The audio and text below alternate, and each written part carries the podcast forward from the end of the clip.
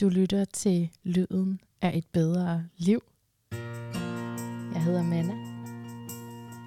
Og den her gang er det en solo, altså hvor det kun er mig, der taler, om tilknytningsmønstre. Så det er en lidt mere systematiseret solo, end du måske er vant til fra min stemme. Tilknytningsmønstre, også kaldet tilknytningsstile, tendenser, vane, kontrolsystem, forsvarsværk.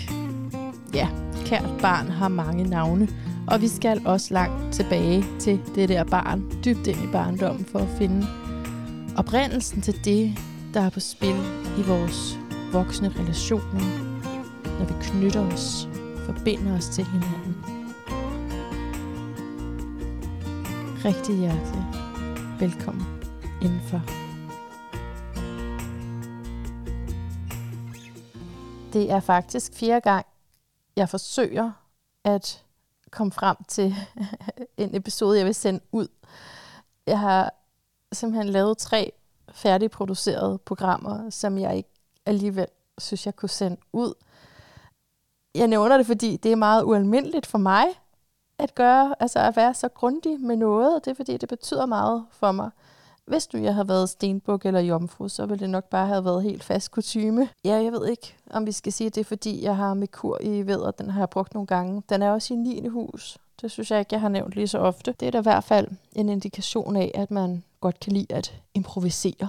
Men der er altså noget viden her, jeg rigtig gerne vil dele. Og det startede lige efter, jeg havde udgivet soloen, bare for du kan følge med kronologisk i min lille udvikling her. Ikke soloen, der hedder øh, solo, bindestreg, forelskelse, afhængighed, traumeidentitet om at stoppe med at svigte sig selv ved at forelske sig i en anden.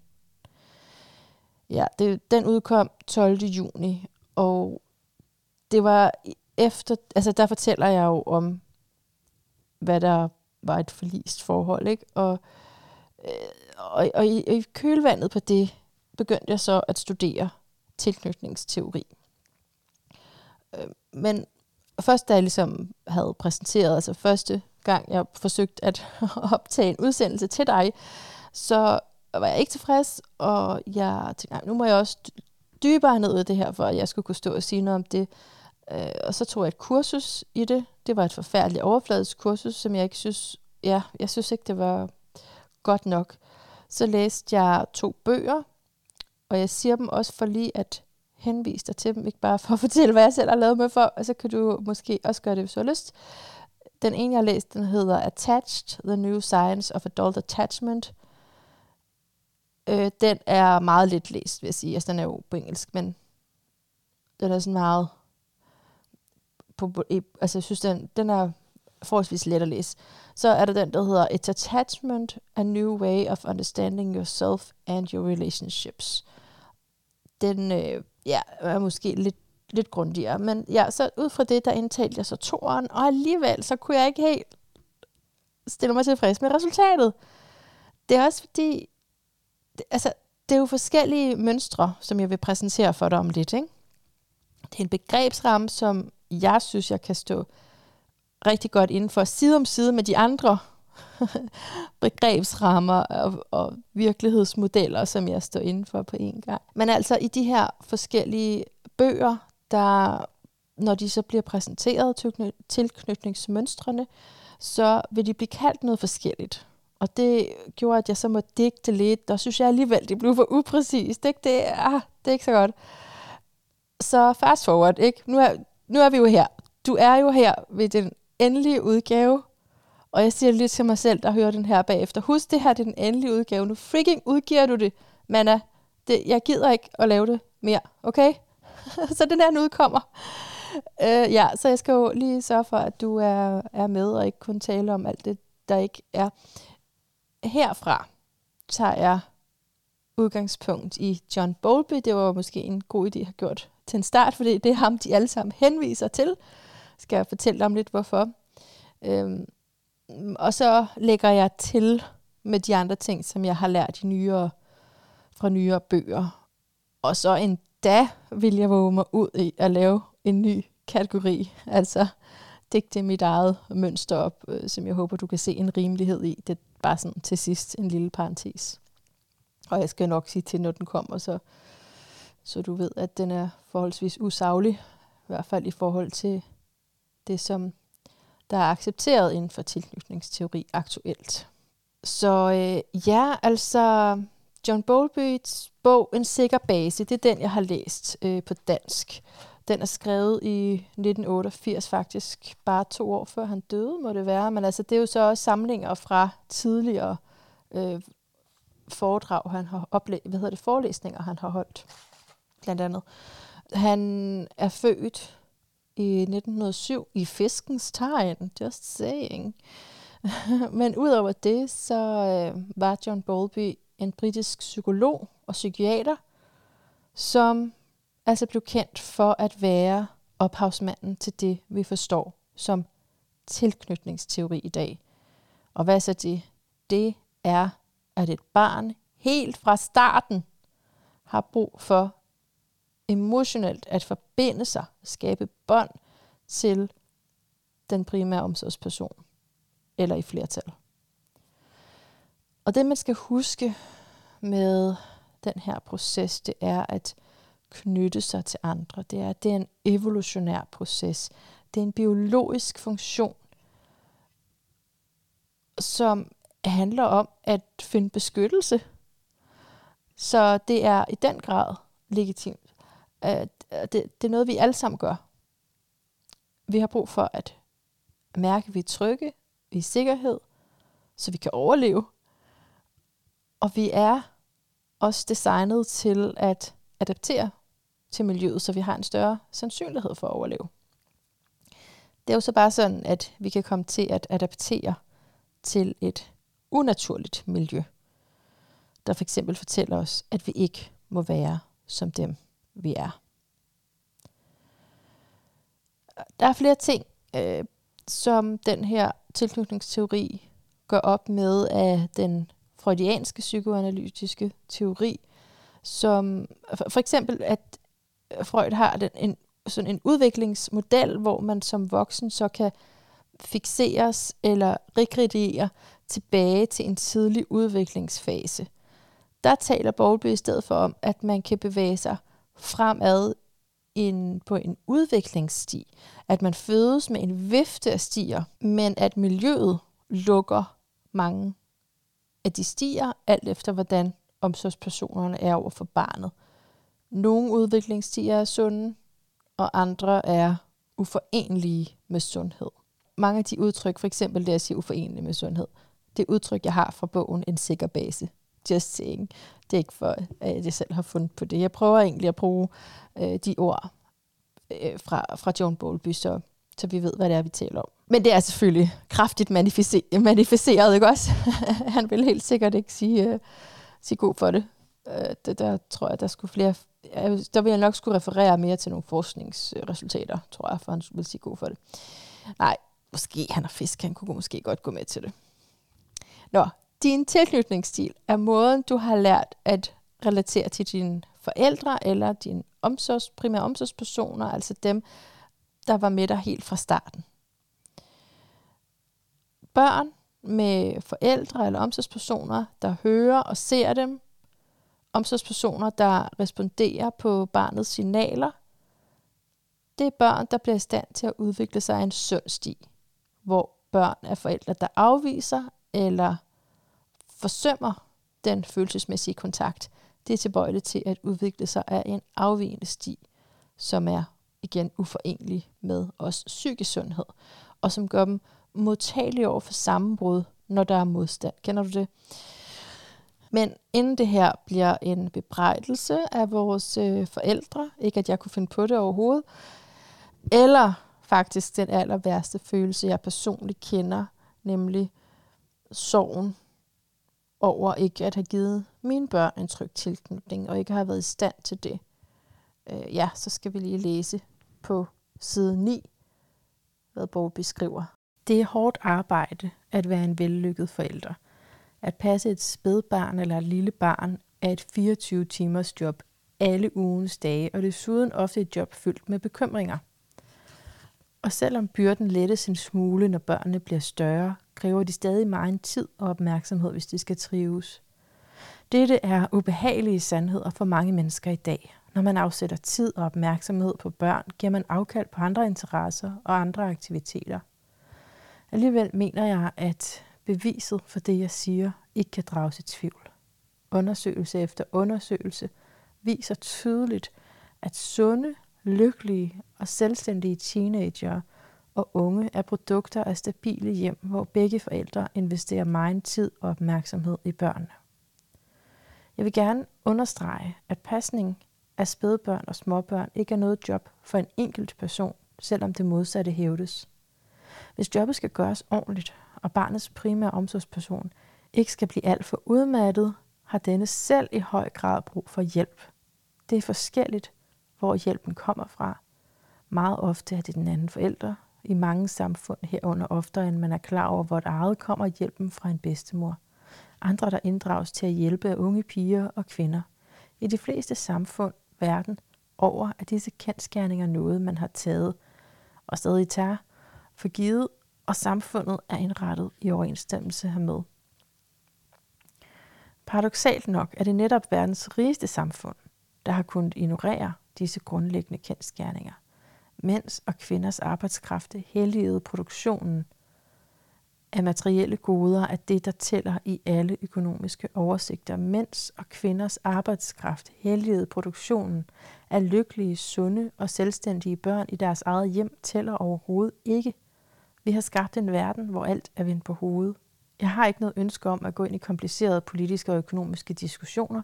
Jeg fremhæver disse ting for at minde om, at det samfund, vi lever i, ikke alene er et udviklingsmæssigt produkt af i går, men også på mange måder et højst besønderligt samfund. Derfor er der stor risiko for, at vi skal antage nogle fejlagtige normer.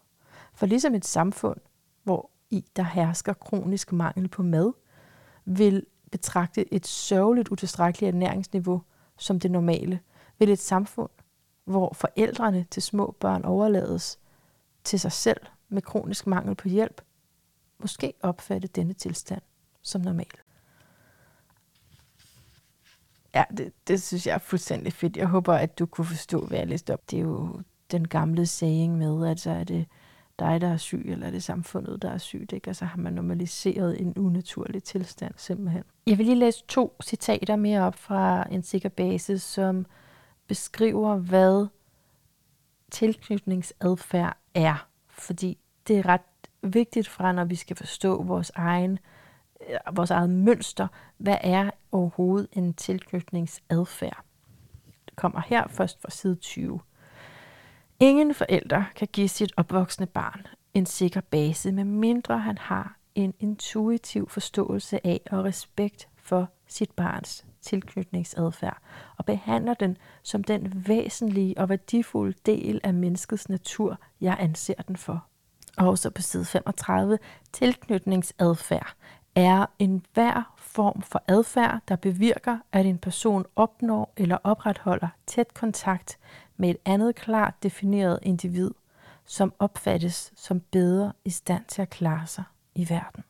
Ja, så jeg håber, at vi lige lægger til side nu, åh, det her gjorde mine forældre mod mig, åh, det har jeg gjort mod mine børn. Vi tager det op igen, ikke? Altså, højst sandsynligt i vores monkey mind og utilgivende natur.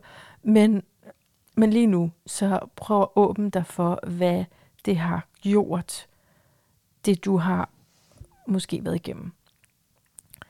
Så Bowlby gør det jo også klart, skal jeg lige indskyde, at det kan ændre sig. Lad os sige det fra starten. Der er et stort forandringspotentiale, skriver han, hvis vi omstrukturerer de indre arbejdsmodeller. Oh, hvad er det nu? De indre arbejdsmodeller, det vil sige, det er, hvad du forstår verden igennem. Og du har udviklet de indre arbejdsmodeller udelukkende på den følelsesmæssige, nonverbale kommunikation. I hvert fald den arbejdsmodel, som øh, starter fra den tidligste barndom, hvor, før vi havde ord. Så det, der sker, er, at samspillet giver, samspillet mellem babyen og omsorgspersonen, det bliver til en indre arbejdsmodel. Der er også en indre arbejdsmodel af forældrene, og der er en indre arbejdsmodel af en selv. Og de modeller bestemmer barnets frygt og ønsker. De bestemmer, hvad barnet føler for forældrene, og føler for sig selv. Så med andre ord styrer vores tilknytningsmønster også. I hvert fald indtil det er bevidstgjort og korrigeret. Og, øh, også, ja, som jo også er en proces, der kan ske helt naturligt, når vi øh, omgås andre, som er trygt tilknyttet, som så kan hjælpe med at korrigere det, vi ikke fik helt rigtigt ind fra start. Og det vil jeg også lige indsætte som parentes. Hvordan healer man det her? Ja, der kommer nogle ting til sidst, jeg vil sige, men, men altid i samspil med andre. Indtil det er blevet bevidstgjort og korrigeret, sådan som det gør, når vi møder mennesker, som er trygt tilknyttede, så vil det styre de voksne relationer, vi har, hvor modellerne vil udgøre simuleringer af det selv, man oprettede dengang, og samspillet til forældrene. Så det vigtige at forstå, det er, at du kan møde en kæreste, der er helt anderledes end dine forældre, og, og gør og siger og er noget helt andet. Men modellerne er tilvænnet, generaliseret og stort set ubevidste, skriver Bowlby. Og derfor vil du forholde dig på samme måde som dengang.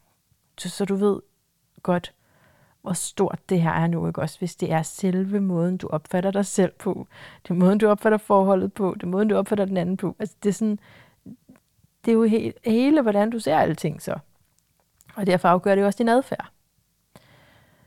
Så hvad kan gå galt? Rimelig meget, ikke? For eksempel skriver Paul B., at børn allerede i 12 måneders alderen kan holde op med at give udtryk for deres følelser og behov for trøst og beroligelse. Og det vil så gøre, at det, den selvmodel, der bliver udviklet der, vil bevirke, at man som voksen heller ikke anerkender de følelser og behov, som moren ikke gjorde over for en, da man var barn. Så man vil opleve, at personligheden er blevet adskilt fra en meget tidlig alder. Der er dele af dig, der er blevet hæmmet, og du identificerer dig kun med det, som din primære omsorgsperson foretrækker. Og det er vejen til at udvikle et falsk selv, eller en anden form for modtagelighed over for psykiske lidelser. Men lad os gå i gang med at se på de fire tilknytningsmønstre, og så har jeg som sagt lavet min egen til sidst, som jeg også håber, du gider at høre på. Ikke fordi der mangler dysfunktioner i allerede, det allerede beskrevne materiale, som jeg kan finde mig selv i, det kan jeg bestemt. Men fordi jeg synes, det er på tide, at vi ser på religion som noget patologisk, alt talt. Medmindre man selv har valgt det som voksen, så så kan jeg være med på, at det er noget andet. Så første trygge tilknytningsmønster. Vi kender det godt inderst inden, fordi der er en del af os alle sammen, der virkelig længes efter at komme herhen. Men for virkelig at kunne leve det og træde ind i det, og det er din virkelighed, så har du været et barn, som har været fri til at udforske verden, fordi din base har været sikker. Du har kunne komme med hvad som helst til dine omsorgspersoner for at få hjælp, de har været til rådighed, og de har været modtagelige over for dine signaler. Og på samme måde kan du nu forstå din partners behov og signaler. Nu siger jeg det her i en kontekst af kærester eller din date. Men bare husk, husk, husk, husk, husk, husk, at det gælder i alle dine relationer. Det er ikke sikkert, at du har den samme stil. Du kan have en tryk til dine børn. Nu digter jeg bare, du kan have en tryk til dine børn, og du kan have en usikker. Altså, i grunden er der kun to kategorier. En tryg og en utryg. Ikke? Så nu er jeg i gang med at beskrive den trygge. Og de tre-fire næste, der kommer, de er alle sammen utrygge. Ikke? Men så kaldes de så noget forskelligt. Så du kan godt, og du kan have forskellige versioner af de udtrykke. Altså, du har frit valg på alle hylder. Det er fuldstændig blandt selv. Altså, og, og du kan også sådan være 10% det ene og 90% det andet. Det styrer du helt selv øh, hvad du kan genkende, det skal du acceptere, at du kan genkende, og ikke noget med, at men jeg troede egentlig, jeg var den type, nu kan jeg genkende andet. Det er fordi, vi udvikler os som mennesker. Det er fordi, at forskellige mennesker trigger noget forskelligt i os. Det er fordi, at de indre arbejdsmodeller løbende omstruktureres alt efter, hvad vi har af livserfaringer, okay? Så, men du er trygt tilknyttet, når du kan forstå din partners behov og signaler, og når der er konflikter, så er du i stand til ret hurtigt at hele og komme overens igen, og du er god til at finde sådan en, et godt kompromis, hvor I begge to vinder. Du er der emotionelt for din partner, I deler jeres op- og nedtur med hinanden, I taler godt sammen. Og hvis du er single, så har du det fint. Altså du føler dig ikke overvældet eller forladt. Der er ikke sådan en gennemsyrende trang efter at finde en partner. Du er okay. Og typisk for den sikre er også, at øh, du trives i din karriere. Du kan udfolde de talenter, du har i verden. Og det er altså fordi, du har den her psykologiske robusthed, der giver dig mod til at bevæge ud i verden.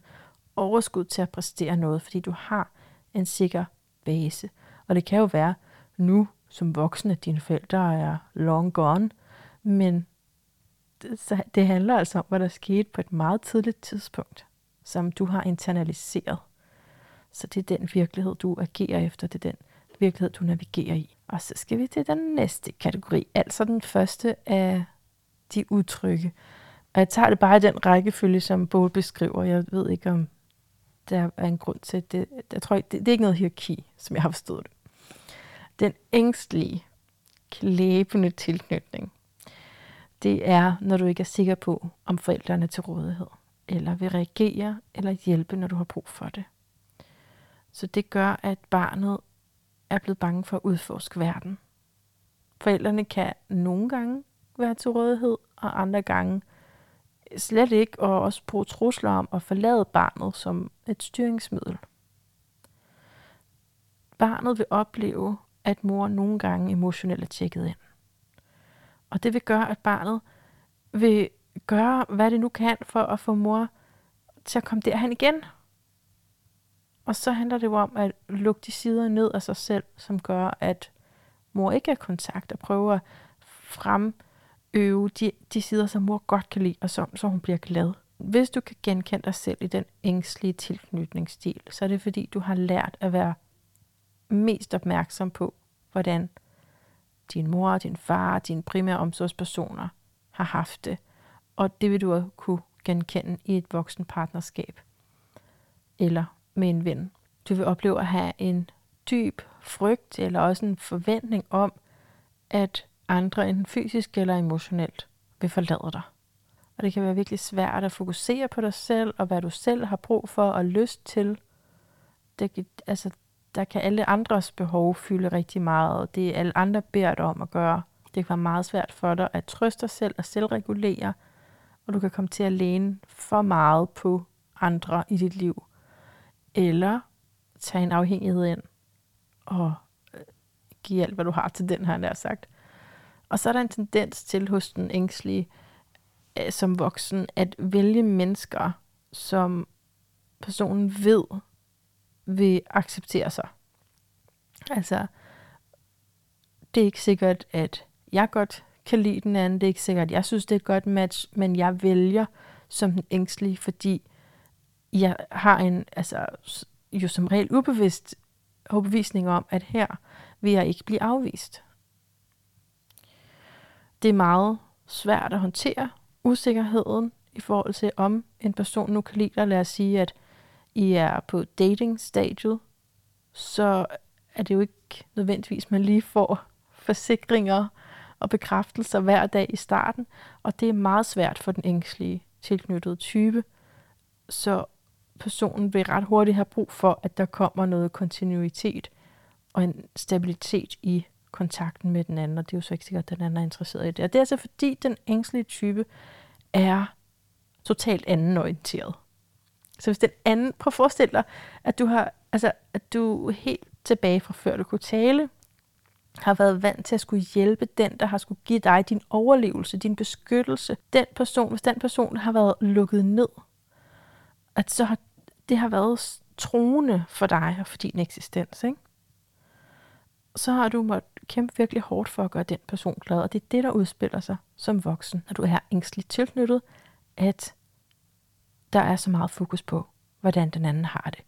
Og man kan sagtens komme til at overse, at man slet ikke selv er interesseret i personen på den måde. der, kan, det, der kan være den der grund med, at man troede, det var et sted, man var i, man var i sikkerhed. Man tror ikke, man bliver afvist der. Det. Der kan være andre ting, fordi nu, nu kommer vi til den næste her.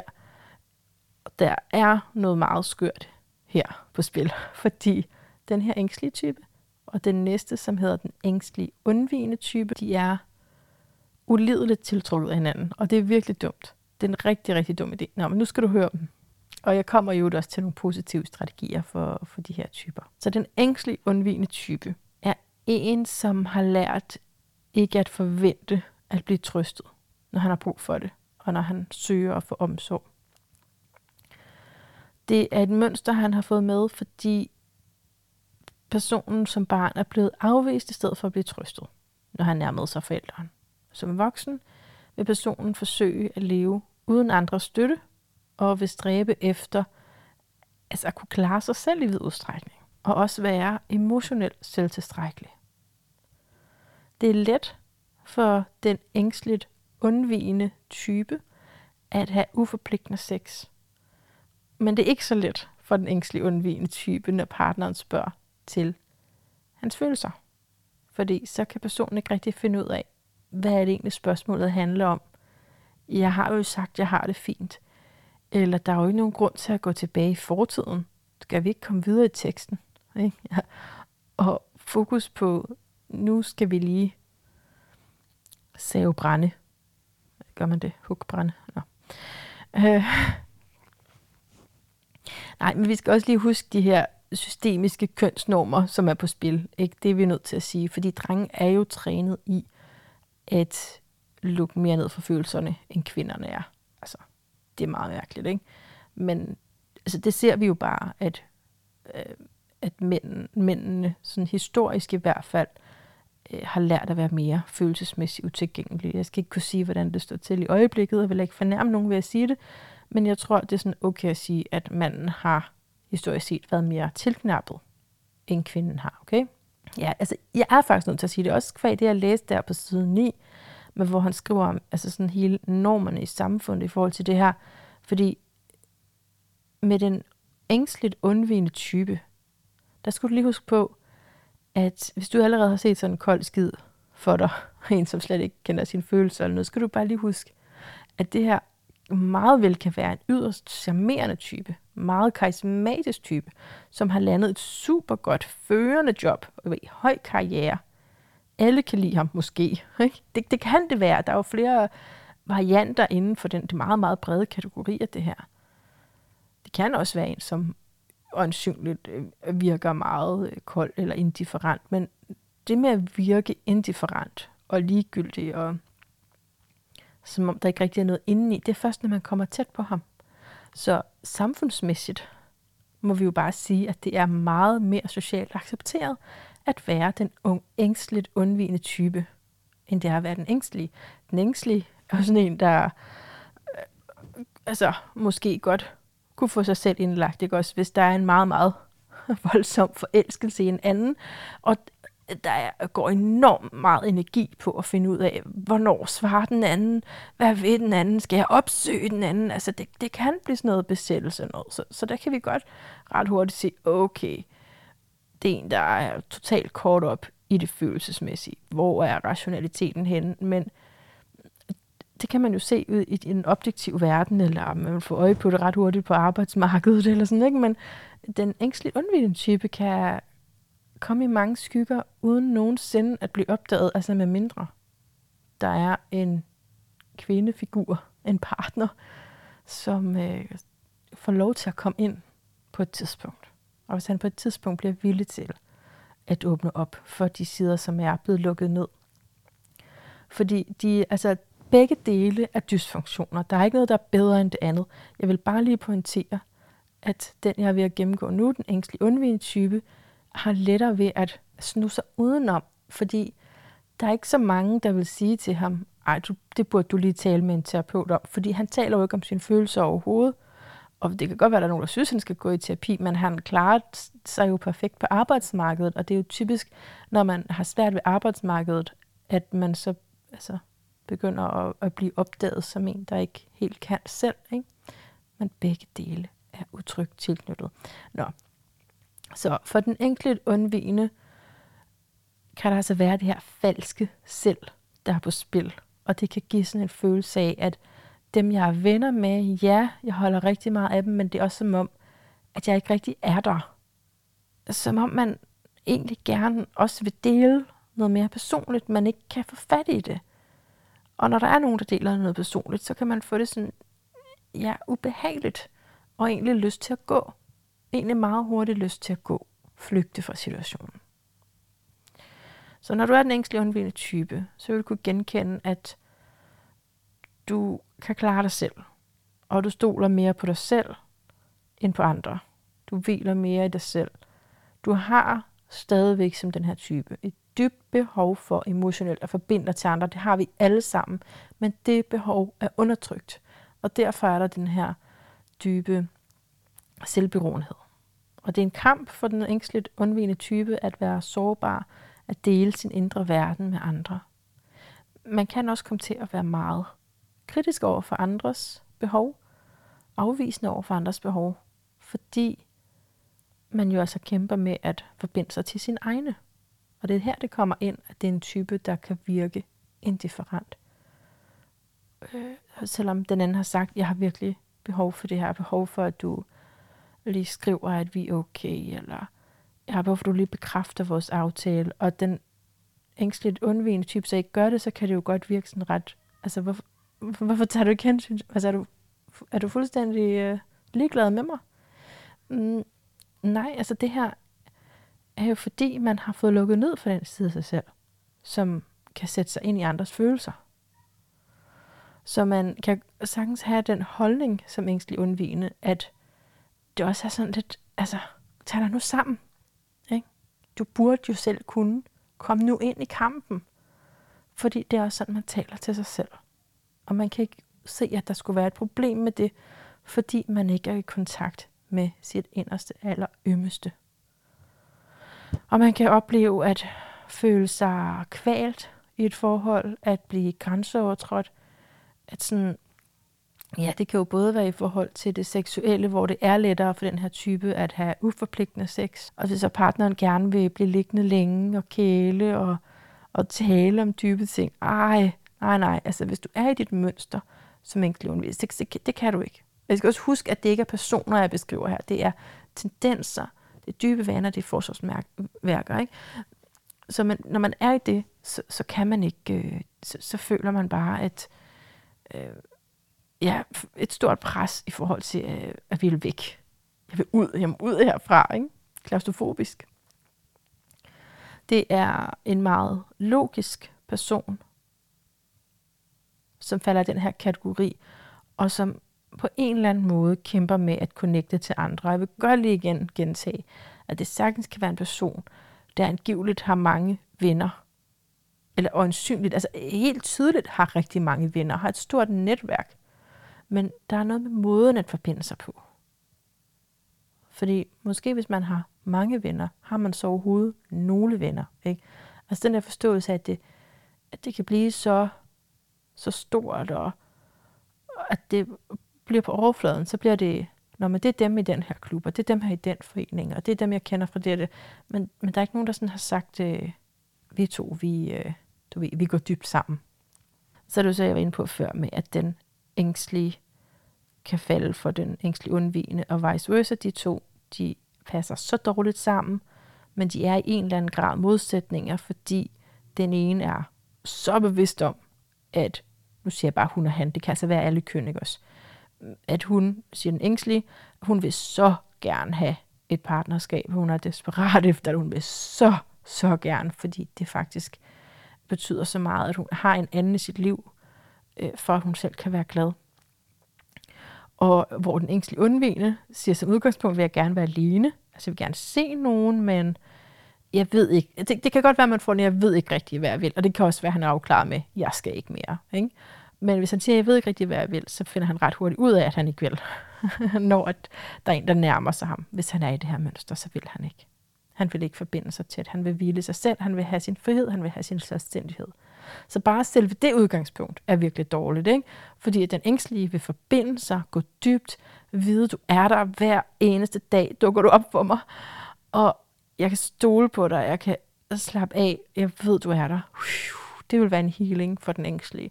Og den ængstlige undvigende, altså, jo tættere du kommer på, jo længere flygter jeg væk fra dig.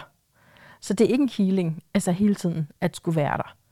Tværtimod har den ængstlige undvigende brug for at møde en, der langsomt kan tage små skridt i retningen af, at han kan komme i kontakt med sine følelser. Og det vil en ængstligt som udgangspunkt have meget svært ved.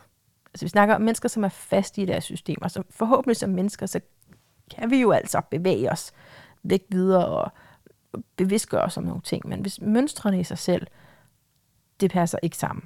Hvis du er fanget af dit mønster, så skal du ikke finde en, øh, som er på den anden side der.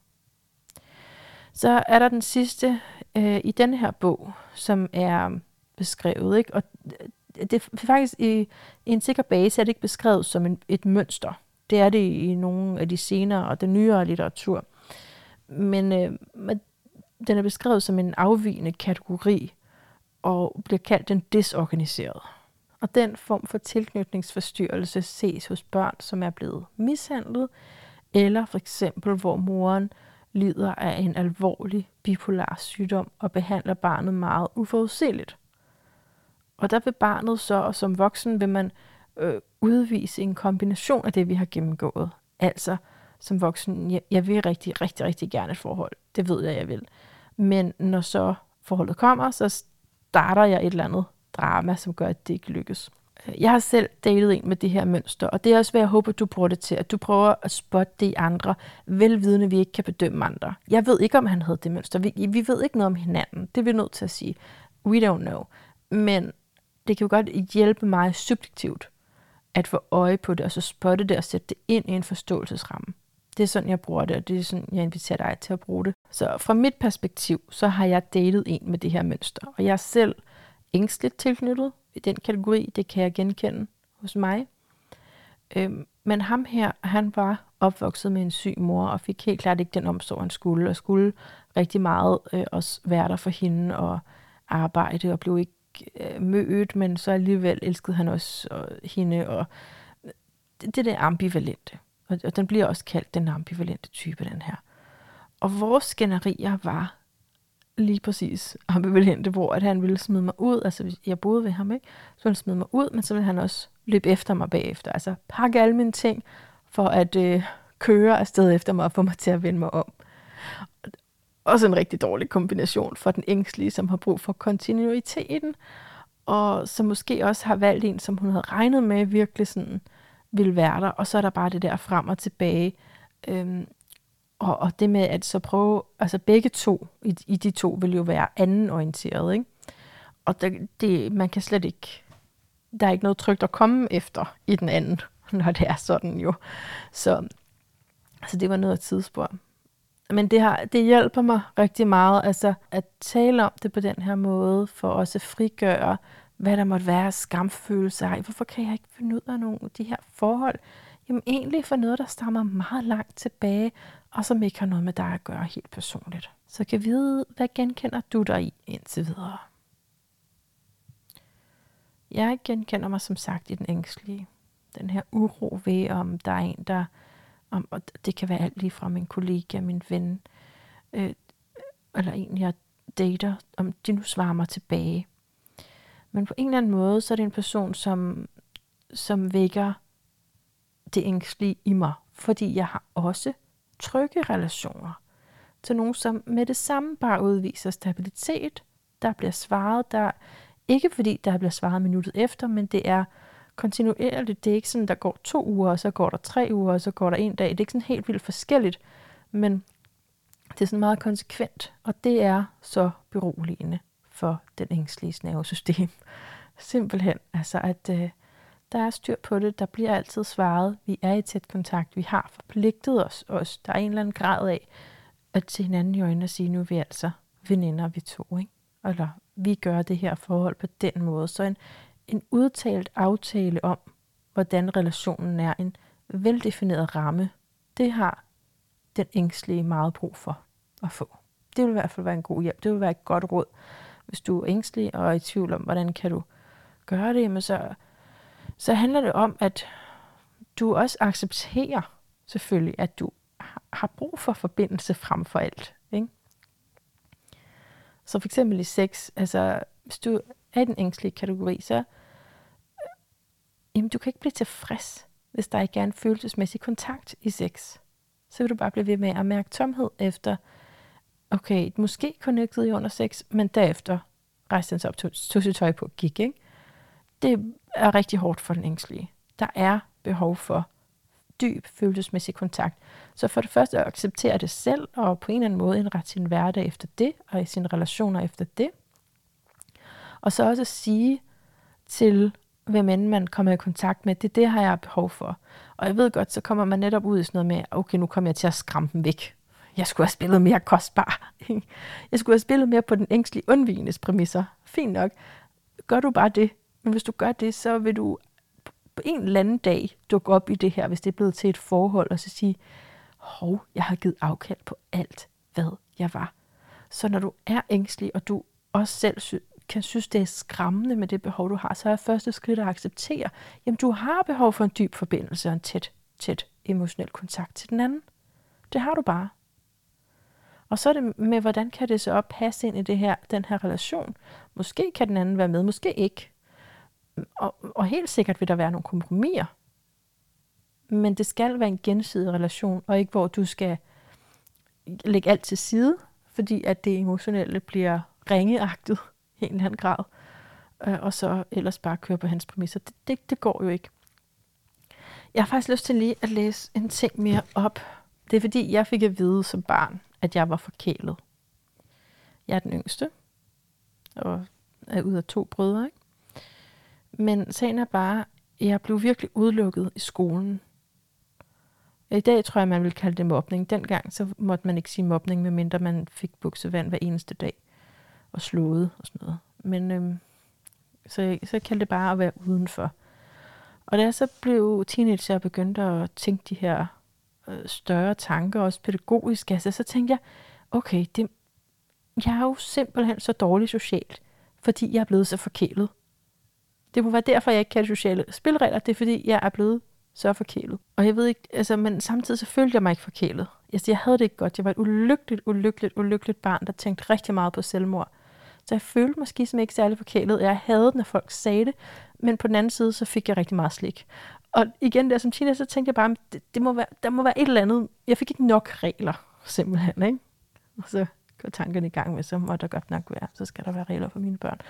Og det kan vi tale om en gang. Men efter at have interesseret mig mere indgående for tilknytningsteori, så har jeg forstået, at det andre kan kalde at være forkælet, det faktisk også kan være en form for udnyttelse. Og det kan jeg. Det, så, kan jeg ligesom, så kan det hele meget bedre hænge sammen inde i mit lille hoved, med hvorfor det var, at jeg egentlig ikke følte, at det var noget særligt rart, det der med at blive forkælet. Så på side 39 i en sikker base står der sådan her. Andre patogene familiesituationer er lette at forstå ud fra tilknytningsteorien. Et ret almindeligt eksempel er barnet, der har et så tæt forhold til sin mor, at det har vanskeligt ved at udvikle et socialt liv uden for familien. Et forhold, der under tiden beskrives som symbiotisk. Årsagen til problemet kan i de fleste tilfælde føres tilbage til moren, der er følge af en vanskelig barndom, oh yes, er vokset op ængstligt tilknyttet, og som nu søger at gøre sit barn til sin tilknytningsfigur. Barnet bliver langt fra overforkælet, som det under tiden påstås, men derimod belastes af at skulle tage sig af sin mor. Det tilknyttede barns normale forhold til sin omsorgsgivende forældre er da i sådanne tilfælde vendt på hovedet. Oh, det var bare lige så rart at læse det. Fordi den her følelse af, jamen, du fik det hele, eller du var jo den lille, eller sådan de der bebrejdelser over at have været overforkælet, og så faktisk være dybt ulykkelig, og overhovedet ikke øh, kunne lide det. Altså, så tag det fra mig, please. Fordi jeg vil hellere være ligesom I andre. Ja, og så var min far så, nu er jeg gået i gang med at tale om mig selv, ikke? Øh, så var min far, han var totalt utilgængelig, altså som i 100 procent. Jeg kan huske hans raseriudbrud. Han ville sige, knyt i til mig meget tit, igen og igen. Og han ville ikke tøve med at vise, at jeg var en total belastning, og at han ikke havde ønsket det tredje barn. Altså så forkælelsen, det lå altså kun fra øh, med min, min mor, ikke? hvis man skulle se det, fordi det var meget tydeligt også for andre, at han, øh, han tog afstand. Han var der ikke. Slet ikke følelsesmæssigt. Og i den her bog, en sikker base, er der faktisk også flere gange nævnt i forhold til, når forældre tror med at begå selvmord eller begår selvmord. Og det gjorde min far. Altså det giver selvsagt nogle udfordringer med venskaber, relationer og partnerskaber. Og når man ved det, jeg ved godt, jeg har sagt lidt før, men alligevel, når man ved det, jeg synes bare, det er så fint, at en måde at legitimere det på, forstå det på, og kunne møde det på i mig selv. Fordi problemet med, hvis det ikke er legitimt, så bliver det en uintegreret del. Det bliver som en skygge, der dukker op. En, nogle dæmoner, som lige pludselig overtager mig, og som jeg selv dømmer, og så bagefter trykker jeg dem ned, og så siger jeg, ej, hvor var jeg dog forfærdelig. Iha, jeg ved ikke, hvad der kommer over mig. Det er derfor, det er så vigtigt, at vi tager det op og ser på det, og siger, ja, det, altså, der skete nogle ting, ikke også? Og det var jo ikke ond vilje fra mine forældre. De har været igennem deres shit. De er ængstlige, de er undvigende, de er alt muligt tilknyttet, som ikke var trygt. Og, og så skabte det det her øh, samspil imellem os. Okay, hvad gør vi så herfra? Ja, jeg er lige på falderæbet her, kan jeg godt mærke. Jeg havde tænkt, at jeg ville fortælle en historie fra det der forliste forhold, som jeg taler om i den solo, som jeg nævnte tidligere. Og grunden til, at det blev sådan et vendepunkt, og blev noget, der fik mig i retning af det her, det er fordi, det netop eksponeret de to typer. Han var netop ængstelig undvigende. Øh, uforpligtende sex var helt fint. Venskab var helt fint. Men noget som helst dybere end det, nej tak. Efter sex, tøj på, ud og gå. Farvel. Altså ikke, altså ikke intimitet. Ikke det der dybe. Og, og ikke, for, for hans vedkommende var det ikke, øh, fordi han ikke ville, eller han fra, holdt mig fra det. Jeg tror simpelthen ikke, han kunne. Og jeg var jo så den ængstlige, som blev ved med at ønske det. Og i den relation, lukkede jeg faktisk så meget ned for det, som jeg overhovedet kunne, fordi jeg tænkte, det er mig, der er afsporet. Altså så, og det er også fair nok at sige, jamen det er en dysfunktion. Vi ser, okay, jeg kan blive obsessed med en anden person. Det er ikke godt. Det er jo fair nok. Men det er ikke okay at sige, at, at det ikke må være der. Du ved, du bliver bare mere besat, hvis du ikke må være det. Det er nødt til at få plads. Så jeg vil lige kort sige den historie, jeg havde i tankerne, ikke? og så går vi videre til øh, den tilknytningsstil, jeg selv har fundet på. Så historien er, at vi skulle, øh, det var en af de sidste gange, vi var sammen, det var et forhold øh, på tre måneder, men vi sås bare ret tit, fordi vi løb sammen. Så, øh, og, nej, altså for mig fyldte det meget. Jeg ved ikke, hvad årsagen til det var. Om vi kan sige, det var fordi vi sås tit. Altså, jeg, jeg tror bare emotionelt fyldte det rigtig, rigtig meget for mig. Men så vi skulle sove i telt sammen, og jeg havde skrevet for inden forventningsafstemt, følte jeg, at nu skulle vi virkelig hygge os hele natten sammen. Ligge og holde om hinanden, putte, nusse og connecte. Det var sådan det, jeg havde skrevet, og, og jeg synes, han havde sagt ja. Jeg troede, den var klaret, og det var endelig det, vi skulle. Ikke? Og vi kom derhen, og øh, tingene var, det var hyggeligt, og så om aftenen kom, jeg så til at, kom jeg til at nævne det her emne med, hvorfor er det, du ikke forpligter på mig. Det er bare det værste emne, man kunne tage op, ikke? fordi der, vi, der vil han bare argumentere for, at det er meget bedre ikke at forpligte sig. Og jeg vil blive helt i tvivl, og nå, jamen, så er det måske også sådan. Men, så derfor så gik vi ret tidligt i seng. fordi vi kunne ligesom ikke, det gik ikke så godt med samtaleemnet, og jeg sad meget fast til det, fordi jeg, jeg var så sulten efter at få den bekræftelse, som hed, ja, vi er officielt et par, ikke? og jeg vil dig på en måde, som er mere end bare sex øh, og venskab. Nå, men så gik vi i seng, og ja, havde det ganske fornøjeligt. Og efter det, så faldt han i søvn. Og jeg havde regnet med, at vi skulle ligge der og connecte følelsesmæssigt og dybt hele natten. Så jeg blev enormt indebrændt. Øh, men prøvede simpelthen presse det ned, presse det ned, presse det ned. Efter jeg selvfølgelig havde prøvet at vække ham. Det gik ikke så godt. Okay. Så bare presse det ned, læg det til at sove. Jeg kunne ikke sove. Der var musik fra nogle andre teltkampister. Og øh, det, altså, det kogte helt over på lige, altså, når jeg ikke sover. Ikke? Der sker jo noget helt forfærdeligt der, hjertemæssigt. Så det blev bare værre og værre inde i mig, det her med, at han lå lige ved siden af.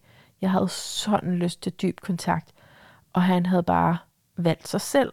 Altså, om ikke valgt mig. Altså en decideret afvisning. En afbrydelse af det, der kunne have været en, ja, en, be, en beskyttelsesfunktion, ikke? hvis vi er tilbage i det her, at det er en evolutionær proces at knytte sig til hinanden. Øh, så, og jeg prøvede at række ud ikke, efter mit par gange om natten. Det førte heller ikke til noget. Så til sidst faldt jeg så i søvn måske ved femtiden, og lige fik sovet et par timer. Og så vågnede jeg sådan øh, akut op med et sæt, vågnede jeg op, fordi jeg troede, han var vågnet. Og jeg tænkte, så kan vi putte. Og det, han var så ikke vågnet. Øh, men så vækkede jeg ham så. Og så øh, sagde vi godmorgen. Og så tog han tøj på og kiggede op. Og jeg blev så ulykkelig. Og det, der var det første gang i vores relation, de der tre måneder, at jeg ikke kunne styre det. Fordi de andre gange, så havde jeg, jeg havde brugt nogle andre outlets. og jeg, fordi jeg havde tænkt, jamen det, nu vil jeg gerne holde alt det der dysfunktionelle, som altid ødelægger mine relationer tilbage, for jeg vil ham så gerne. Det var min analyse af det dengang. Den har ændret sig, bemærk det. Men der, der flød det bare ud. Jeg blev så rasende. Jeg græd. Jeg, ja, jeg ved faktisk ikke rent fysisk, hvad jeg gjorde, men det var til at få øje på. Og øh, han selv foreslog så lige, at øh, jeg lige gik over og fik et kram af ham. Og det ville jeg ikke. Fordi det her, det er også det er interessant, hvis man sådan nørder videre i det her, så er der forskellige strategier. Ligesom for den ængstlige undvigende, når der er en, der kommer tæt på, så er der forskellige strategier med, hvad man gør. Det er det også med den, øh, den ængstlige type her. Hvis man bliver afvist, så, altså, om, og så inviteret tilbage ind, så går der også noget i gang. Går også noget spil i gang. Men nej, det vil jeg ikke. Altså, du skal lige se, du skal lige møde mig i smerten først, ikke? Og det kunne han jo ikke. Han kunne ikke møde mig i de der følelser. Så var vi ude at løbe, og jeg var rasende den første del af turen, og han var sådan, ej, se, hvor naturskønt har jeg. Jeg var bare sådan, øh, jeg, jeg er så sur over, at du ikke gad at ligge med mig i nat. Øh, og, men så løb, det ændrer jo også ens bevidsthedstilstand, og jeg faldt ned, og da vi så kom tilbage til vores lille lejr, så fik jeg sat mig ned, skubbet den hysteriske side væk, og, og sådan rationelt prøvede jeg at tale til ham og sige, det var fordi, jeg troede, vi havde klaret, at det var sådan her, det skulle være. Kan du fortælle mig, om du kan forstå det? Så sagde jeg, nej, det kan jeg ikke, fordi det er jo meget egoistisk af dig, jeg vil have, at jeg skal være vågen, når jeg hellere vil sove. Og det er ligesom der, det slutter. Ikke? For de her, det her par, jeg fortæller det for at skitsere typerne. Den ængstlige har brug for et nærvær, et følelsesmæssigt nærvær. Den ængstlige undvigende kan ikke gå ind i det nærvær og har brug for af en eller anden grund at være mere selvtilstrækkelig. Altså, jeg siger af en eller anden grund, fordi der kan jo være forskellige fortællinger til, at man har lukket sine følelser ned. Det kan også være, fordi man har øh, set en i sin familie, hvor, øh, som har, øh, har været psykisk syg, og så har man sagt, det vil jeg slet ikke, eller været afhængig af, en, af noget, som man har sagt, det vil jeg slet ikke. Der, der kan være selv ikke grunden til, at det der er blevet lukket ned. Selvfølgelig først og fremmest, at personen ikke er blevet mødt selv i sine egne følelser. Men husk, at det her det gælder alle livserfaringer. Så der kan være sket mange ting sidenhen, som også har gjort, at det her mønster er opstået. Men det var en fantastisk læring for mig. Og jeg håber, at du sammen med mig vil sige tak til din fortid. Tak fortid. Frem for hvad min tendens ellers kunne være, bare at sige, Åh, hvorfor skulle jeg igennem alt det? Så sig tak fortid, fordi nu kan jeg gå videre. Nu har jeg i kraft af dig forstået noget, jeg ikke forstod før. Jeg har prøvet noget på egen krop. Jeg har følt og mærket noget på egen krop. Og nu kan jeg gå et andet sted hen med mig selv. Så tak fortid for de her oplevelser. Fordi ellers var jeg faktisk ikke kommet ind i det her materiale, tror jeg. Det var virkelig det forhold, der, hvor det blev helt så skarpt delt op, fordi han passer på alle, alt hvad man kan sige om den ængstlige undvigende type, passer han på. Og jeg passer pænt godt på alt, hvad man kan sige om den ængstlige. Men jeg har også lige den her ekstra tilknytningsstil, som jeg vil dele med dig. Bare helt kort. Og det er den religiøse tilknytningsstil. Jeg ved godt, der er nogle af jer, der er ved at være rigtig træt af at høre på det her med religiøse traumer. Og senfølgerne af, jeg har været med i en religion, en menighed, en, et trosfællesskab, men jeg synes jo, at det er så vigtigt. Fordi religion Og jeg ved godt, altså selv da jeg var i det, så, så sagde vi jo, det er ikke en religion. Så, så du må selv afgøre, om du har været en religion. Det er ikke sikkert, at man har kaldt det det. Men vi vil godt kalde det fundamentalisme. Fordi at det var jo fundamentet for os. Så, no. anyway. Det er den totale nægtelse af barnets egen virkelighed. Skal jeg lige sige det igen? Det er en totale nægtelse af barnets egen virkelighed. Så barnet sanser og erfarer komplet ufrit, fordi alt sættes i en kontekst af den her trosretning. Og så lærer man som barn, at far det er Gud. Der sker noget meget interessant der. Far det er Gud. Helt fra starten lærer du det her som barn. Du kan, altså, helt tilbage fra, du, før du kan huske, har du lært, far, Gud, det hører sammen. Men i min, jeg var også ængstelig, ikke også, fordi min far var der jo ikke. Han var jo slet ikke tilgængelig. Hvordan kan far så være Gud? Min mor forklarede det med, at jeg skulle bruge Gud som far. Altså i stedet for far. Jamen, hvorfor vil far ikke være sammen med mig? Du skal bruge Gud som far, sagde hun. Sådan helt konkret. Bed til ham, og han vil være din far. Så i stedet for det tilknytningsarbejde, man må gøre som forældre, så blev der altså henvist til en Gud, som er usynlig for det første. Det er sådan som første besværlighed ved det, at han ikke rigtig kan give dig nogen fysisk kontakt. En anden besværlighed er, at øh, der er alle mulige andre, der fortæller dig om, hvordan den her Gud er.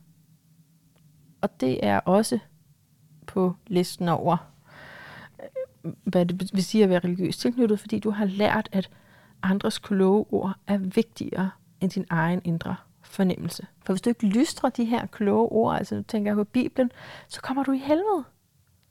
Altså, så er du lige med djævlen selv. Du er fortabt til helvede.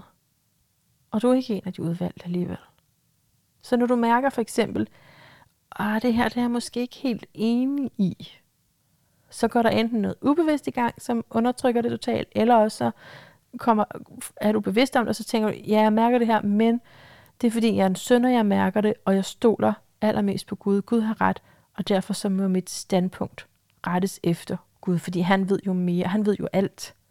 Jeg er jo bare et lille menneske, så jeg kan jo ikke vide det. Så hvis du er religiøst tilknyttet, så har du lært at dømme på samme måde, som man gør i den religiøse setting især at dømme dig selv. For selve det eksisterer. Ikke? Fordi du skal jo tilgives for at være i live, fordi i kraft af, at du er en menneske, så er du en sønder. Og det jeg oplevede tilbage til den her telttur, jeg lige fortalte om, det var, at imens jeg flippede ud og sagde strenge ting og græd som pisket, ikke? der dømte jeg mig selv for det. Jeg tænkte, åh nej, hvorfor gør jeg sådan her? Hvorfor kunne jeg ikke holde det tilbage? Så det er fordømmelsen. Og det er præcis det, jeg modarbejder nu. Det er det, jeg har fået øje på nu, så jeg mener virkelig tak til fortiden. Jeg er meget, meget glad for at have fået øje på det her. Jeg har slet ikke, jeg har ikke set det på den måde. Jeg har, jeg har netop bare tænkt, jamen, det er en sund måde at arbejde med mig selv på, at jeg ikke vil lukke så mange følelser ud. Og igen, det, det kan der være en pointe i, men først og fremmest, så må vi acceptere alle sider af os selv. Fordi, som Mr. Berg sagde, jeg håber, du har hørt det afsnit, den, der bliver ekskluderet, bliver ond. Åh, ikke? Så den del af dig, der bliver hæmmet, fordi den ikke måtte være der som barn, den kommer altså bare op som sådan en, der vil gå imod din lykke, og imod det, du egentlig selv gerne vil. Indtil du ser på den og siger, okay, du må gerne være her. Det er faktisk helt forståeligt, at du er her. Ikke? øh, ja, jeg vil lige komme til et råd til hver af dem her, sådan så at, at vi også kan komme videre end bare acceptere det, selvom det er en vigtig del. Jeg vil lige sige sidste i forhold til den religiøse tilknytning. Fordi det er lidt interessant i et partnerskab. I religionen, der bliver man jo ikke skilt. Og det kan betyde øh, selvfølgelig mange forskellige ting. Men der er en faldgruppe, ikke? I at man læner sig meget tilbage. Fordi nu er man ligesom her og vi skal aldrig nogensinde skilles, fordi det skal vi ikke. Det tror vi begge to på. Vi har en af grundene til, at vi har valgt hinanden, at vi begge to er kristne. Så, eller religiøse, nu ved jeg ikke, om andre religioner kan sætte sig ind i det her. Men, men der er en klausul, som hedder, vi sagde ja over for Gud og menigheden, og det er for altid. Eller til den anden dør, ikke? Og det, så man kan komme til at behandle hinanden som det aflyste. Altså tage hinanden rigtig meget for givet, og netop bare køre alle mønstrene af, og så hvile. Det er ligesom sådan et hus, der bare står der i 50 år på samme måde. Kan sådan et ægteskab få lov til at stå og stagnere og blive mere og mere udtjent. Okay, men det var det. det var det, jeg havde at sige til religiøs tilknytning. Nu vil jeg give et kort råd til hver af de her typer. Øhm, og helt, men helt generelt til alle, så handler det jo om at være opmærksom på det, og være blid med sig selv, være blid med dit mønster. Og så hvis du kan, så kommunikere det til din partner, hvad der er på spil. Og jeg ved godt, at det er sådan med, men hvis vi lige er startet med at se hinanden, så siger man måske ikke det, og okay, hver kontekst for sig. Men du er også nødt til at vide, at du har det her behov. Altså, Så Bowlby skriver jo, at der er forandringspotentialer. Det er der, og vi forandrer os igennem alle vores livserfaringer. Men altså, jeg, jeg forstår det ikke sådan, at du nogensinde kan slippe helt af med det, egentlig. Altså, du er nødt til at blive mødt i det, som formede dig meget, meget tidligt. Af din partner, af dine venner, af dine relationer. Og det er ikke fordi, at andre skal tage en masse hensyn til dig. Men dem, som du stoler på, der kan du altså øh, få rigtig meget ud af at begynde at kommunikere det her. Hvis personen ikke i forvejen er tryg over for dig, og at det hele bare spiller. Ikke? Hvis der er et eller andet, der gør dig usikker, gør, at du får lyst til at trække dig, eller gør, at du får lyst til at angribe, for at komme endnu længere ind. Ikke? Eller det her ambivalente, hvor det er begge dele. Fordi at øh, healingen er i det gensidige forhold, og hvor der er et form for kompromis, som begge har det godt med. Og så kan man på den måde korrigere hinanden det er sådan noget, bog beskriver med at, at blive korrigeret, at få en den indre arbejdsmodel korrigeret. Så et råd til den ængstlige, det er, tag ejerskab over dine behov. Altså, sørg for, at der er faste aftaler med de relationer, du har, at der er, det hele er klart defineret, og du ved, hvornår I skal mødes igen, sådan at du kan få forbindelsen genoprettet, hvilket er det, dit nervesystem har brug for. Så, så simpelthen tage ansvar for, at det er dit behov, frem for at putte med det, og så det, det vil tendensen vil være, ikke rigtig at være klar over, det er det, der er behovet, og så mere bare følge den andens, og så blive mere og mere desperat, og komme mere og mere ud på et tidsspor. Don't do that. så find ud af, hvad er egentlig dine behov i den her relation? Hvad kan gøre dig tryg? Og så, hvis det er muligt, kommunikere det, men det er også et stort skridt selv at være bevidst om det.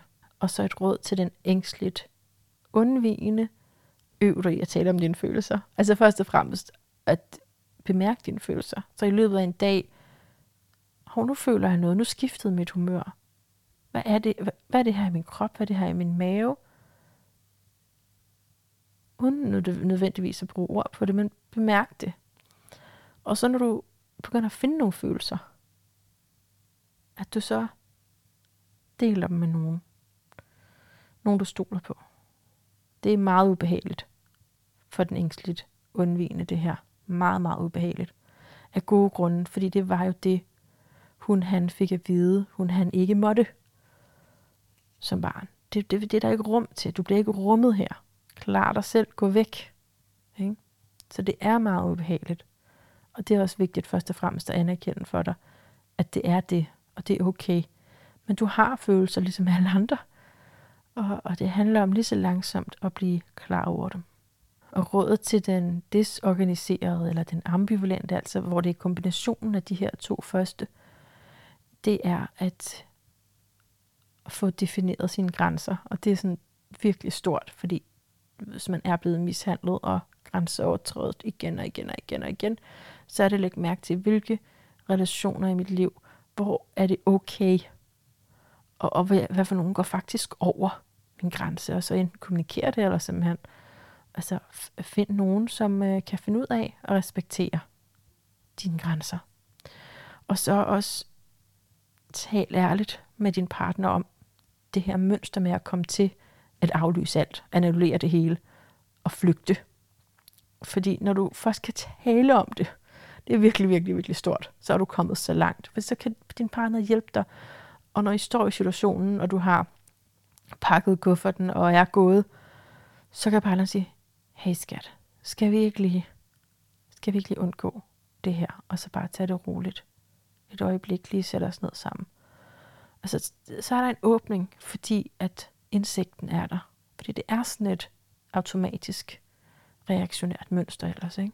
Jeg har faktisk ikke skrevet noget råd til den religiøse tilknyttede. Du er bare fucked. nej. Nej, nej, nej. Nej, jeg ved godt, hvad rådet er til den religiøse tilknyttede. Det er at seriøst arbejde med at finde sandheden ind i dig selv. Og bruge tid på at meditere. Meditation. Altså det er, meditation er det modsatte af religion, føler jeg, fordi det netop ikke er, at du spørger Gud. Altså, det er ikke en kristen meditation, vel? Det er en meditation, hvor at du bliver opmærksom på dig selv, og hvad der foregår indeni. I øvrigt også noget, som den ængstligt undvigende på ingen måde kender til. Fordi, og det tror jeg måske, jeg glemte at sige, men så kommer det i hvert fald lige her. Der er det holdt ud så længe, du får lige det, jeg glemte at sige. At den ængstligt undvigende er opdraget af forældre, som typisk har meget fokus på præstation og det yderliv. Ikke? Det er derfor, det, det typisk lykkes for den her type at komme rigtig langt karrierevist og i et yderliv. Men det med at søge indad, om du kalder det at søge ind i følelserne, eller bare søge ind i stillheden, det er ikke velkendt. Så det kunne han godt have til fælles med den religiøse type faktisk, når man lige tænker over det. Men nu vil jeg simpelthen lade dig komme videre med alt det andet, du også skal. Tusind tak for din tid. Jeg håber, at det har hjulpet. For mig er kropspraksiser rigtig vigtige. Du ved, jeg går ind i yoga, men jeg bliver også dybt provokeret, når folk siger, at det eneste, man skal, det er at mærke sin krop. Muligvis, hvis det er det, der står i dit horoskop. Ikke? Hvis du har en masse skytte, så er du nødt til at have nogle filosofiske koncepter også at forstå tingene igennem. Jeg har tilfældigvis rigtig meget skytte. Og jeg har simpelthen så meget brug for de her forklaringsmodeller, for at jeg kan sige, ah, åh, eh, nå, okay. Og så kan jeg begynde at give slip. Jo mere jeg forstår, så kan jeg slippe, så kan jeg synke ned i min krop, så kan jeg overgive mig, og så lyster det sig den vej igennem. Jeg kan ikke bare sætte mig i min krop og acceptere, at øh, jeg har fundet mig i et dysfunktionelt forhold, og at jeg har råbt og skrevet, og jeg har gjort alle mulige ting, som jeg ikke forstår. Det synes jeg er meget vanskeligt. Og jeg tænker, at siden du har lyttet med, så øh, er du også en af dem. Så lad mig vide, hvad det har åbenbart for dig, og sikkert har du også hørt om det mange gange før. Det er jo som sagt bare lige min egen proces, som øh, fik det på banen nu, kære ven. Indtil vi høres ved igen. Gentænk alt. Måske især om du har gang i sådan en frem og tilbage dans med en eller anden partner eller en potentiel partner. Om der var en anden måde, du kunne være i det på, så der ikke er den her længsel og anden orientering i hele tiden at hige efter, hvornår han kontakter dig, eller omvendt at blive troet, når du bliver kontaktet for meget, at du automatisk bliver frastødt af det. Er der en anden vej? Det er der. Der er en anden vej. Og øh, selvfølgelig går det altid igennem en kontakt til os selv. En relation til os selv. Og en bevidsthed om det, der kan opstå i mødet med andre.